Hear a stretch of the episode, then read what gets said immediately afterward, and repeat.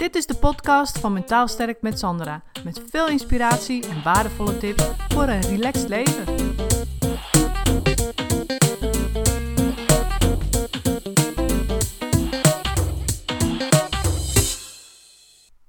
Hey, leuk dat je weer luistert. En ehm, vandaag wil ik het eigenlijk even hebben over een bepaalde manier van werken. Want ehm, als je me al een poosje volgt, dan weet je dat ik uh, ja, toen ik ergens in de 30 was, ben ik uh, pas de opleiding psychologie gaan doen aan de Open Universiteit. En daarvoor was ik uh, altijd HBO-welzijnswerker. En um, dus ik was al wat ouder, zeg maar, toen ik psychologie ging studeren. En ik vond het echt helemaal geweldig. Was, vond, vond alle vakken vond ik helemaal geweldig. Ik vond statistiek zelfs leuk, want het was toegepaste statistiek en dat snapte ik eindelijk. Weet je, dus ik was echt gewoon. Ik, ik, ik, ik, ik was echt blij als ik weer een nieuwe module kon beginnen. En als ik ging ik daar gewoon vol in. Totdat we bij het vak klinische gespreksvoering kwamen. En toen had ik zoiets van: hey, ho, wacht even. Wat, wat gebeurt hier? Wat is dit? Want klinische gespreksvoering was een vak waar je echt voor naar les moest komen. Dus dan moest je echt voor. Uh, ja, naar het studiecentrum in dit geval. En uh, alle andere lessen of alle andere vakken van de Open Universiteit kun je op afstand doen. En nou ja, goed, dus ik moest, uh, klinische gespreksvoering moest ik uh, naar Breda, dat is voor mij het dichtstbijzijnde. En daar gebeurde echt iets raars, want ik, ik, ik, ik begon aan het vak en ik dacht echt van, wat is dit? Is dit nou hoe ik dan straks psycholoog moet zijn? Tussen aanhalingstekens, moet, tussen aanhalingstekens, want weet je, dit vind ik helemaal niet leuk als dit zo moet gaan, dan vind ik echt helemaal niet leuk. En want wat gebeurde er nou? Nou, je moest daar dus in dat vak klinische gespreksvoering, moest je de klachten van de persoon, wij deden natuurlijk allemaal rollenspellen, maar, maar moest, je moest dus de klachten van de persoon, moest je helemaal gaan uitvragen. Dus het hele klachtenpatroon, van hoe lang heb je het al en, uh, ja, uh, wat, wat, wat zijn dan precies die klachten, weet je wel? En dan helemaal daarop ingaan. En toen dacht ik ook al van, weet je, ik ben zelf iemand die is gewoon, ik ben heel praktisch en heel oplossingsgericht ingesteld. En ook vrij nuchter. En dus ik zat daar echt zoiets van, ja, maar dit ga ik niet doen. Als ik psycholoog ben, dan ga ik toch echt niet um, straks urenlang met mensen over hun klachten zitten praten. Want wat helpt dat nou? Je, dat, ging, dat druiste echt totaal tegen mijn natuur in. En ik vond het ook echt een oervelend vak. En ik dacht ook echt van, nou, dit, dit, dit, dit kan ook echt niet. Weet je, dat als je ja, als open universiteit vond ik ook dat je gewoon met iets beters moest komen. En ik heb daar later, heb ik, ben ik daar zelfs nog op teruggekomen bij de open universiteit. Dus, maar goed, even het vervolg eerst. Uh, ik ben toen, nou, ik heb dat vak natuurlijk wel gewoon gedaan en gehaald. En nou ja, uiteindelijk dus mijn opleiding afgerond. En toen dacht ik, weet je wat, nu ga ik als eerste oplossingsgerichte therapie doen. En dat is dus een cursus? Ja, en ga ik volgen. Want weet je, ik dacht, die oplossingsgerichte therapie, alleen het woord al, klinkt voor mij gewoon zo goed. Dat, dat, dat wil ik gewoon, die oplossingsgerichte therapie. En ik had er natuurlijk al wat over gelezen. En ik voelde al wel van, hé, hey, dit, dit past helemaal bij mij. Dit gaat gewoon helemaal goed komen. Die oplossingsgerichte therapie en ik, dat, dat is gewoon een match. Dus ik ben toen, uh, eigenlijk direct toen ik afgestudeerd ben, ben ik, uh, ja, toen ging ik natuurlijk als psycholoog beginnen. En dan eigenlijk, ja, wat weet je dan? Nou, ik had natuurlijk wel een heleboel ervaring als welzijnswerker in het werken met mensen. En um, daar heb je natuurlijk ook heel erg te maken met gesprekken en al die dingen. En mensen helpen op een bepaalde manier. Dus, maar ja, goed, als psycholoog is het toch net eventjes iets anders. Dus ik denk, ja, waar begin je dan? Dus ik dacht, nou, ik ga gewoon eerst, eerst die oplossingsgerichte therapie doen. Dat is het gewoon helemaal. Dus ik ben toen uh, naar Utrecht gegaan. Daar uh, gaf, uh, gaf Mark Kroeze, die gaf daar een, cursus op zaterdag, weet ik nog heel goed. Dat was een hele zaterdag, een paar zaterdagen, ik geloof zes zaterdagen of zo. En um, nou ja, ik ging daar naartoe. En ja, echt waar, een moment dat hij begon, viel voor mij gewoon het kwartje van ja, dit is wat ik moet doen. En, en wat ik heel opvallend vond, wat ik echt heel opvallend vond. Ik zat daar met een heleboel andere psychologen. Dus ik was beginnend psycholoog. Was gewoon net afgestudeerd. Maar ik was al wel wat ouder. Ik was al ergens, ik geloof 6, 37. En daar zaten dus psychologen die van een jaar of 26, die al, nou zeker drie, vier jaar aan de slag waren als psycholoog. Maar ook ja, psychologen die al, ook al twintig jaar in het vak zaten. Dus het was een heel divers uh, gezelschap en dat was op zich uh, ook heel erg leuk. Maar wat ik zo ontzettend opvallend vond, is dat zij ook, dat zij, of nou ja ook, dat zij heel moeilijk mee te bewegen waren in die oplossingsgerichte movement, zeg maar, die Mark Kroeze daar uh, uit stond te leggen. En dat was echt heel bijzonder, want ze bleven een soort van ja maar en uh, ja, uh, hakken in, in het zand zetten tegen alles wat hij aandroeg. En dat ik op een gegeven moment ook dacht van ja, maar waarom zit je hier dan, weet je wel? En achteraf bleek ook dat heel veel daar ook zaten om gewoon punten te halen voor hun bijscholing. En ook niet per se vanuit de juiste motivatie. Maar weet je, dat ik niet kon begrijpen dat mensen zo moeilijk uit hun uh, probleemgerichte manier van werken te halen waren. Ik had echt te doen met die man, weet je. Ik had echt te doen met die, met die man die, dat, die daar les in stond te geven. Maar goed, die was ook ondertussen natuurlijk wel heel erg doorgewinterd. Dus die, um, ja, die, goed, daar zat ik natuurlijk ook niet voor. Maar uiteindelijk um, was het heel opvallend. En, en op een gegeven moment vond ik ook zoiets van, ja, weet je, ik, ik, dus had, hij had het ijsbergmodel uitgelegd. En het ijsbergmodel, dat vertel ik je ook in de Eye Opener Challenge. En dus dat is een van mijn gratis videotrainingen. Dus ken je die nog niet, check hem even op mijn website onder gratis. Dan kun je daar meedoen. En daar leg ik het ijsbergmodel in uit. En hij had het net ook uitgelegd in die training. En wat de basis van het ijsbergmodel is eigenlijk dat je ervan uitgaat. Hè, de meeste mensen praten in termen van schuld. Dus hè, doordat ik zo'n hoge werkdruk heb, heb ik stress. Of doordat mijn schoonmoeder zo vervelende zeikert is, heb ik, uh, heb ik last van stress of last van irritatie of boosheid.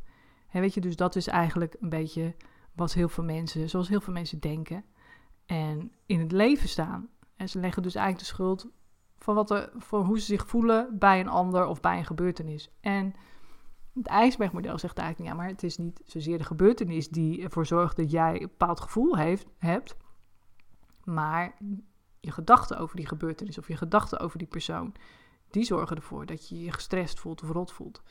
En als je dit nu niet eenmaal even zo snel kan volgen, zou ik zeggen: check die Eye Opener Challenge, want daar zit hij in. dan leg ik hem uitgebreid uit. Maar hij had dat dus net uitgelegd. En toen was er een. Uh, even die meiden, ik denk dat ze een jaar of 30, 32 was. En die, uh, die zei dus: Goh, ja, ik heb zo'n last van mijn schoonmoeder. Weet je, dat mensen zo vervelend en ik word er zo onzeker van. En nou, heel verhaal. En het was precies dus, zij deed precies hetzelfde ja, als wat.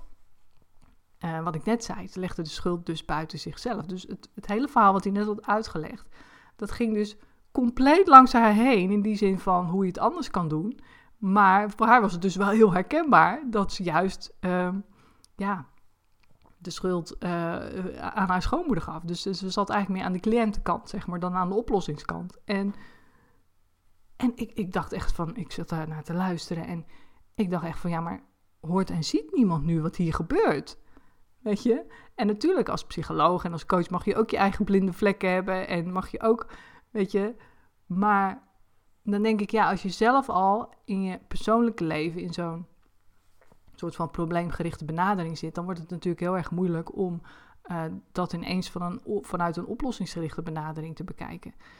Dus uiteindelijk snap ik dat ook wel. Maar ik, op dat moment kon ik daar niet over uit. Dat ik echt dacht van, wat doe je hier? Weet je wel? Dus later ben ik daar wat gematigder over gaan denken. Omdat ik natuurlijk ook begreep wat ik net zei. Hè, dat je niet zomaar van zwart naar wit kan gaan. Als je op een bepaalde manier gewend bent om te werken... dan heb je, natuurlijk, heb je gewoon weerstand om te veranderen. En uh, ja, is het vaak ook moeilijk om te veranderen. En is het eigenlijk alleen makkelijk om te veranderen als je heel gemotiveerd bent. Dus dat gold natuurlijk voor hun net zo. En ik had... Uh, en ik had die oefeningen gedaan. En op een gegeven moment moest je ook rollenspel doen. En toen dacht ik, nou, weet je wat, ik ga dat gewoon doen. Voor mij voelt dit goed, weet je Dus ik stak mijn vinger op. Ik zeg, ik wil dat wel doen. Weet je, ik wil wel die wonde vraag stellen. En uh, nou, dus ik deed dat. Dat natuurlijk, je had huiswerk en uh, natuurlijk gedeeltelijk ook voorbereid. Dus ik zat daar en ik deed dat. En um, En voor mij waren dus ook een aantal geweest. En die, dat duurde heel lang totdat ze to point kwamen, ook in dat gesprek. Dus to point komen is eigenlijk die wondervraag gaan stellen. En die lieten dus die, die, die cliënten, die dus gespeeld werd door een acteur, die lieten dus die, die acteur of die cliënt heel erg lang praten over dat probleem. En ik zag dus die, die leraar, die zelf ook psycholoog was, die zag ik dus met zijn ogen rollen de hele tijd van, oh, wanneer komen ze nou eens met die wondervraag? Wanneer, weet je, wanneer in godsnaam? En, en ik zat ook zo van, hoe kan dit? Dat ze, dus je zit hier ook weer iets te leren en het toepassen van Homaar, weet je wel? Dus toen dacht ik ook van, nee, dit, laat mij nou maar, want ik ga dat gewoon doen. Weet je, ik ga gewoon binnen een paar minuten, kom ik to the point. En dat deed ik dus ook. En... Uh, en toen daarna zei hij dus, hij zei het gelukkig niet aan plein publiek, maar hij zei daarna tegen mij, jij was een van de beste, zei hij toen. En het fluisterde hij ook zo in mijn oor. En uh, niet dat ik erop uit was om de beste te zijn, maar het, ik, ik weet gewoon dat het voor mij ook past bij mij. Weet je, dit is in lijn met hoe, wie ik zelf ben. En uh, als ik nu ook zo, hè, toen begon ik dus als psycholoog met allerlei cliënten en met, met al die gesprekken. En ik merkte ook gewoon direct dat als ik met mensen aan tafel zat die heel graag in problemen praten, dat er voor mij geen klik was. Dus ook in, met cliënten heb je eigenlijk een soort van gelijkgestemde nodig om verder te kunnen. Want ik had heel veel cliënten die bleven in problemen praten, omdat ze ook gewoon niets anders geleerd hebben. En die wilden ook heel graag in problemen blijven praten, omdat ze ja, de veronderstelling hebben dat als je bij een psycholoog komt, dan praat je over je problemen. Weet je wel? Dus ik kwam ook achter dat bepaalde mensen ook geen match met mij waren. En dat is, was voor mij ook wel heel, ja, heel mooi leerzaam proces uiteindelijk. En heeft er ook toegeleid dat ik nu heel goed aanvoel van, uh, ja, wie, met wie heb ik wel een klik en met wie niet. Weet je, mensen die in problemen uiteindelijk, je mag best in problemen praten, en ik laat hooguit mensen vijf minuten in problemen praten. En dan ga ik die oplossingsgerichte manier toepassen. En um, hè, dan maak je meteen een shift naar van hoe kun je dat anders doen? Wat kun je dan anders doen? En hè, dat geeft meteen perspectief en dat geeft ruimte. Dat geeft de richting van ja, daar wil ik naartoe. En dan ga je vervolgens kijken hoe gaan we dat doen? Wat is het plan? Weet je, super concreet doelen stellen. Wanneer ga ik wat doen met wie, waar en hoe? En kleine doelen maken die haalbaar zijn. En dan kom je ergens, dan kom je uit zo'n gesprek met het idee van: hé, hey, ik heb hier zelf uh, de regie in handen en ik, ik, heb er dus zelf invloed op. En als, je, als ik een uur met mensen in problemen was blijven praten, dan sta je buiten met het idee van: ja, maar ik heb het probleem nog steeds. Weet je wel? En je hebt misschien je hart gelucht of zo, maar de problemen zijn nog steeds. En ik denk, zo, dat is in ieder geval mijn insteek als je hulpverlener bent, dan is het ook je taak om mensen hulp te verlenen. Dus dat, je, dat ze ook naar buiten komen met het idee van: hey, dit heeft geholpen. Nu kan ik verder. Dus ehm, voor mij is die oplossingsgerichte therapie echt heel, heel erg ontzettend belangrijk. En ehm, mensen die niet, die eigenlijk altijd in problemen praten, zijn ook meestal niet gemotiveerd om te veranderen. Dus dat vond ik ook heel opvallend. Mensen die echt in hele probleemsituaties zijn, ja, die zijn ook niet gemotiveerd en ook vaak niet bij machten om te veranderen. Omdat ze zo diep in de problemen zitten met schulden of financiën, met ja, allerlei andere zaken van relaties, problematiek. En uh, ja, weet je, als je, als je bijvoorbeeld laag opgeleid bent, heb je ook ja, vaak moeite om, um, ja, om, uh, heb je vaak meer problemen als het gaat over financiën en dat soort dingen. En dan wordt het ook wel natuurlijk een heel lastig verhaal. Maar dan nog, als je gemotiveerd genoeg bent, ben ik van overtuigd dat in wat voor situatie je er dan ook zit, dat je altijd de oplossingen zelf bij je draagt. En wat ik doe, is die oplossingen die er eigenlijk al in jou zitten, die haal ik eruit. Dus ik verzin ook geen oplossingen voor mensen. Dat vind ik ook de kracht van die oplossingsgerichte therapie. Ik verzin geen oplossingen voor mensen, omdat wat voor mij een oplossing is, is voor jou misschien helemaal geen oplossing. En ik laat daarbij compleet ook mijn eigen invulling, mijn eigen referentiekader los, waarvan ik denk van wat goed voor jou zou zijn. Maar ik stel alleen maar oplossingsgerichte vragen, waardoor iemand zelf een antwoord formuleert die helemaal vanuit zichzelf komt.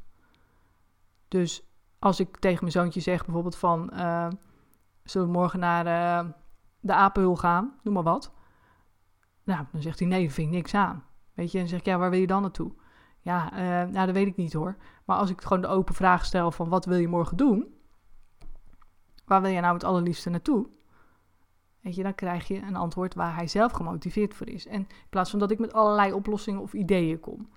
Hè, dan krijg je ook allerlei discussies die allerlei kanten op gaan, waar je, waarvan je helemaal niet wil dat ze die kant op gaan.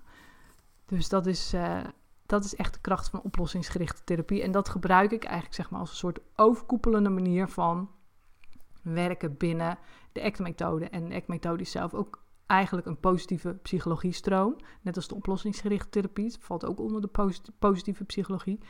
En dat klinkt dan weer heel tegenstrijdig, omdat ik ook zeg van ja, positief denken helpt niet altijd. Maar we bedoelen met positieve therapie dat we niet in klachten of problemen blijven hangen. Maar dat we dus uh, jou, in dit geval, zelf laten nadenken wat voor jou de beste oplossing is. Ja, gewoon simpelweg door de juiste vragen te stellen.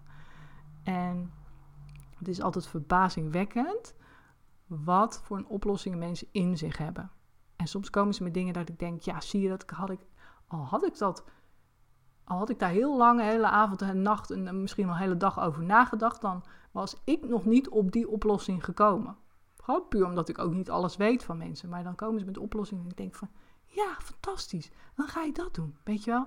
En dat maakt het ook zo leuk. Dat je gewoon helemaal blank al helemaal open staat. En gewoon puur ook heel nieuwsgierig bent van... Nou, ik ben heel benieuwd. Vertel maar, wat gaat er nu komen?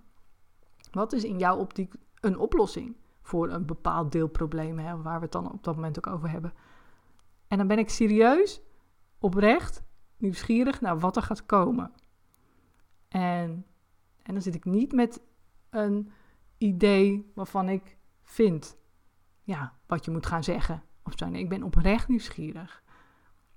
Dus als mijn zoontje dan bijvoorbeeld, uh, ik heb het nu toevallig over kinderen, maar dat is omdat het me even als eerste te binnen schiet. Maar dit doe ik natuurlijk ook met volwassenen. Als mijn zoontje dan met een vriendje aan het spelen was en, die, uh, en dan kwamen ze naar me toe, dan hadden ze ruzie of oneenigheid over iets. En dan vroeg ze aan mij van ja, of dan zei ze tegen mij ja, maar hij zegt dit en hij zegt dat. En dan, dan luisterde, hoorde ik dat zo eens aan en dan zei ik, goh, nou, zei ik dan, ik ben heel benieuwd, hoe gaan jullie dat oplossen? En dan, en dan viel het stil. En dan, dan keken ze elkaar zo eens aan. Zo van, oh, wacht even. Dan moeten we zelf iets gaan verzinnen. Ik zei, ja, hoe gaan jullie dat oplossen dan? Nou, uh, nou ja, begon de een dan. Dus ik toen gingen ze door elkaar en zei nee, hoe zou jij het oplossen? Eerst de ene en dan de ander. Hoe zou jij het oplossen? Nou, dan hadden ze allebei een idee daarover. Ja, dan kunnen we eerst met de trappen. Dan pakken we eerst die trap en dan hou ik die trap vast. Dan klimt hij die trap op en dan, nou, dat is een heel teamwork verhaal. Ik zei, nou, fantastisch. Wat een mooie oplossing. Heel veel succes ermee, weet je wel? En dan ook complimenten geven als het natuurlijk gelukt was. Maar dan kwamen ze met een oplossing, ja, die, die heel anders was dan als, als ik überhaupt al een oplossing had bedacht, dan die ik had kunnen bedenken. Dus, weet je, dat is heel grappig. En, ehm, dus ja, ik, ik, wat ik je misschien ook wel met deze podcast wil vertellen is, probeer ook zoveel mogelijk in oplossingen te denken en niet in problemen. Dus probeer mogelijkheden te denken en niet in problemen. En dat is vaak moeilijk, weet je wel. Soms als je alleen ergens helemaal in zit qua probleem of qua gedachte, dan is dat gewoon moeilijk. Dus ook daarbij vraag hulp. Weet je, gewoon eens, ga eens met iemand erover sparren. Met een goede vriendin of een hulpverlener of iemand die in de buurt die je vertrouwt. Maar ga daar eens gewoon over sparren. Van goh, ik zit met dit, dit probleem. En probeer dan te bedenken, hoe kan ik daar uitkomen? Wat zijn de stappen die ik kan ondernemen om het minder te maken? Of wat is gewoon misschien wel een hele concrete oplossing? Dus dat, uh, dat is wat ik jullie even vandaag wilde meegeven. En uh, nou, ik hoop dat ik je daarmee geïnspireerd heb om toch anders te kijken naar ja, je problemen. En vooral, echt vooral, klagen, klagen, klagen is gewoon uh, je probleem alleen maar vergroten. En het voor jezelf erger maken. En als je alleen maar over je probleem klaagt en daar niets aan doet, hè, dit is niet een soort beschuldiging hoor, maar gewoon een meer soort, ja, soort algemeen, wat ik ook wel gemerkt heb in praktijk met mensen die dat doen, nou, daar word je over het algemeen gewoon niet beter van. kun je je voorstellen, als je jaren en jaren alleen maar over je probleem praat, wat gebeurt er dan met je qua positiviteit of qua uh, oplossing? Helemaal niks. Helemaal niks. Maak je alleen maar moeier, bozer of uh, depressiever of somberder of wat je dan ook bent. Weet je wel? Dus. Oké, nou, ik, uh, ik, hoop dat ik je hiermee geïnspireerd heb. En uh, laat me even weten wat je hiervan vindt. Je kunt een reactie hieronder achterlaten. En ik spreek jullie weer in de volgende podcast. Doei doei! Bedankt voor het luisteren. Het is mijn intentie om met deze podcast waardevolle inzichten te delen die je kunt gebruiken voor je eigen leven en die je helpen groeien in je persoonlijke ontwikkeling. Wil je voortaan alle verhalen bij elkaar hebben staan? Abonneer je dan even op Mentaal Sterk met Sandra op iTunes of Stitcher. En ben je enthousiast over mijn verhaal? Dan zou ik het superleuk vinden als je een review achterlaat. Dat kun je doen in iTunes of Stitcher en geef je bij beoordelingen en recensies een korte review. En ben je echt enthousiast? Geef dan 5 sterren. Dat zorgt ervoor dat ik hoger in de ranking kom te staan en nog meer vrouwen kan inspireren tot een relaxter leven. De dank is groot als je dat even voor me wilt doen. Tot de volgende keer bij een nieuwe uitzending.